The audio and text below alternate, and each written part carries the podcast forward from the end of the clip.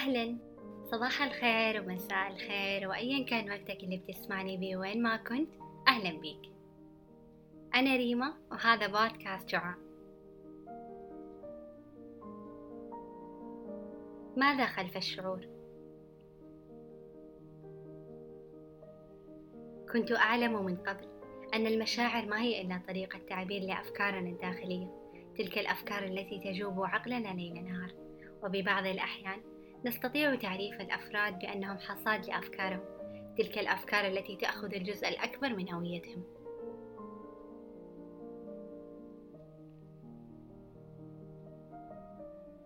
يبدأ الأمر بفكرة ويمر بمرحلة الشعور ثم السلوك الذي يعبر عن هذه الأفكار. وعلى هذا الأساس إما يكون السلوك جيد ومقبول أو غير ذلك. تأخذنا أفكارنا على نحو بعيد وببعض الأحيان تكون هذه الأفكار غير موجودة بالأصل لكن يبحر فيها عقلنا إلى سلسلة غير متناهية. أيقنت فعلا أن الإنسان ما هو إلا نتاج لأفكاره لأيام وليالي. لاحظ نفسك عندما تمر بمرحلة مليئة بالتفكير سواء كان إيجابي أو سلبي. لاحظ لحظة دخول الفكرة لعقلك وانتبه لمشاعرك. ستلاحظ تغير سريع فيها. وعندما تكون الأفكار متضاربة برأسك تمنعك من التفكير بطريقة صحيحة. تمنعك من فهم نفسك وفهم الآخرين. يصبح الأمر صعبا ومرهقا عليك. لا تستطيع فهم نفسك ولا الآخرين يستطيعوا أن يفهموك. يصعب عليك الوصول لبر أمان لمرحلة اتزان بالفكر والمشاعر. تذهب إلى النوم على أمل أن هذه الأفكار ستنتهي عندما تستيقظ لكن تجدها استيقظت قبل منك.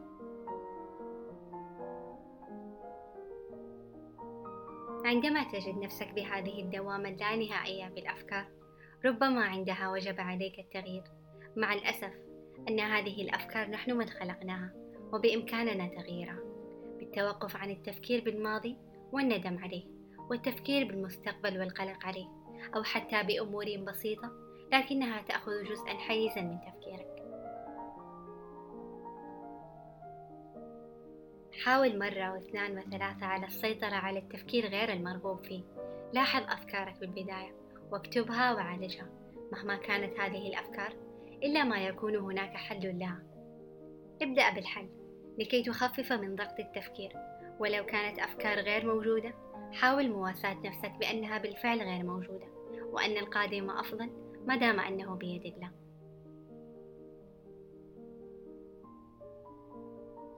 حاول تغيير روتين يومك ولو بأشياء بسيطة تسعدك. تستطيع منها الرجوع لذاتك ونفسك. تذكر دائما لحظة الراحة والسلام الفكري التي كنت تمتلكها بيوم من الأيام وحاول الوصول لها. رحلتنا مع ذواتنا من أصعب الرحلات التي من الممكن أن نخوضها يوما لأنك هنا تحارب نفسك تحارب أفكارك وعاداتك وسلوكك تحارب أيام كثيرة من عمرك. وجب علينا التغيير وحان وقته. وجب عليك التوقف عن التذمر على الأمور التي ليست بيدك ولا تستطيع تغييرها. عليك التقبل والتسامح مع القديم لتتوقف أفكارك عن البقاء بالخلف. وجب عليك أن تترجم مشاعرك أن تكتبها وتوضحها لنفسك لتكون على درجة أعلى من الوعي حول الأفكار التي تخترق عقلك وعلى وعي بمشاعرك وتصل لدرجة مقبولة من الاتزان. راحتك النفسية وسلامك الداخلي بداية تصالحك مع نفسك ومع الآخرين. ابدأ التغيير واجعله نية اليوم وكل يوم. اوعد نفسك بالأفضل وابدأ رحلة سلامك الخاصة لتكون على قدر أعلى من الرضا. الرحلة صعبة نعم لكن تستحق.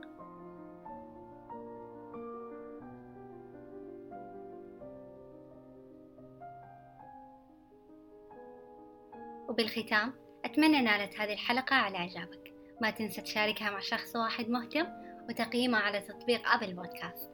وإلى لقاء آخر. دمتم بخير وطابت كل أوقاتكم.